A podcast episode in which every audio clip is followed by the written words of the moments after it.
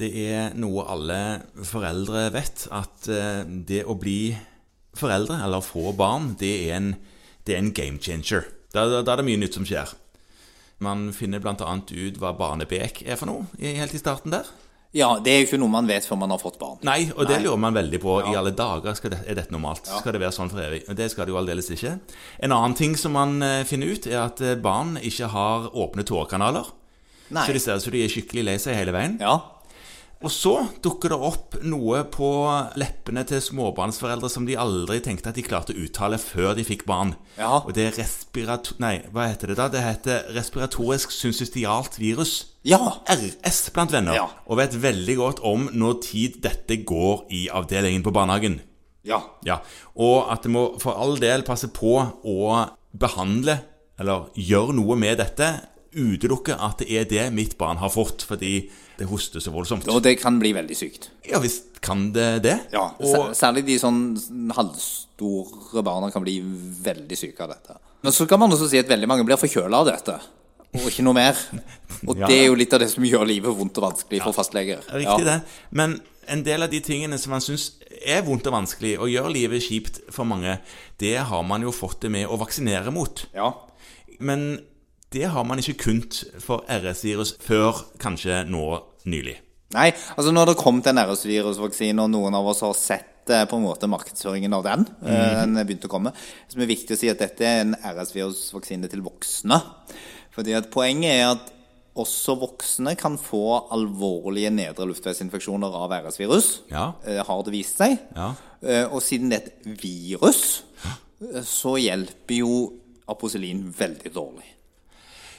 Ja, det hjelper veldig. Det det, det, det gir, er potensielle mageplager. Ja, Ja. og Så, så da kan man både hoste og ha diaré samtidig. Det er jo en kjempekombo, Morten.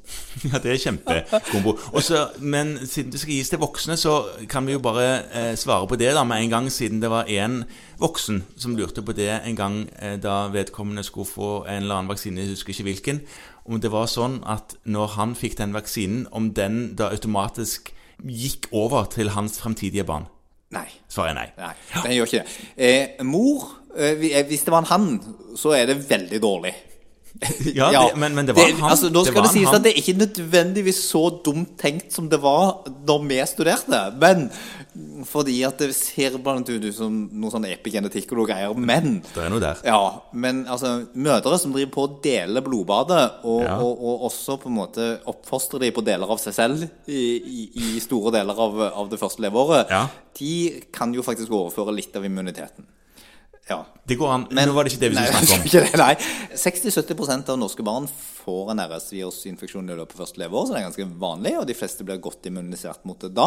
Ja. Eh, Det er jo grunnen til at det ikke nødvendigvis sikkert tas inn i det generelle barnevaksinasjonsprogrammet. Mhm. Eh, um, og så er den ikke godkjent for barn. Eh, Den er godkjent for voksne over 60 år. Ja, de er ganske voksne, de. De er veldig voksne, de er til og med voksnere enn oss. Ja.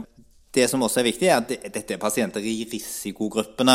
Og så er ikke de for dette sånn kjempegodt definert, men man skal ta utgangspunkt i de samme gruppene som man tar for andre type infeksjoner, sesongbaserte infeksjoner. Ja.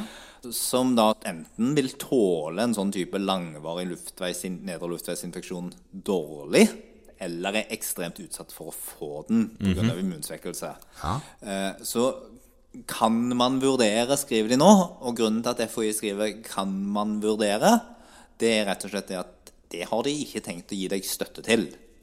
Nei, men, men akkurat det eh, ordlyden der kan de jo kanskje Nå skal vi ikke snakke om det nå, men de har det jo med å anbefale masse greier som, som er ganske kostbart. Da. Ja, ja, og noe av de anbefaler de jo ganske mye tydeligere enn 'kan man vurdere'. Det var akkurat det jeg tenkte. Ja, Ja. eh, Den koster vel godt over 2000 kroner, Å ja vel, ja. men det er én dose resten av livet foreløpig.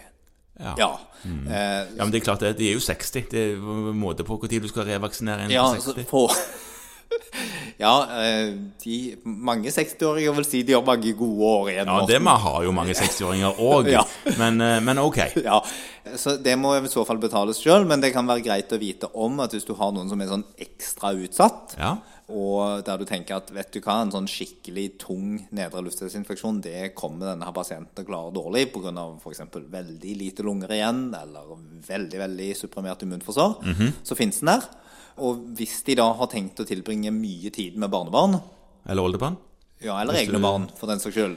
Så fins det. Og Så finnes det, ja. det kan være greit å vite om. Vi er veldig glad i vaksiner. Vi tenker at det forebygger mye sykdom. Ja. Så for de som har mulighet, og der det er god indikasjon, så er det noe å tenke på. Det er noe å tenke på.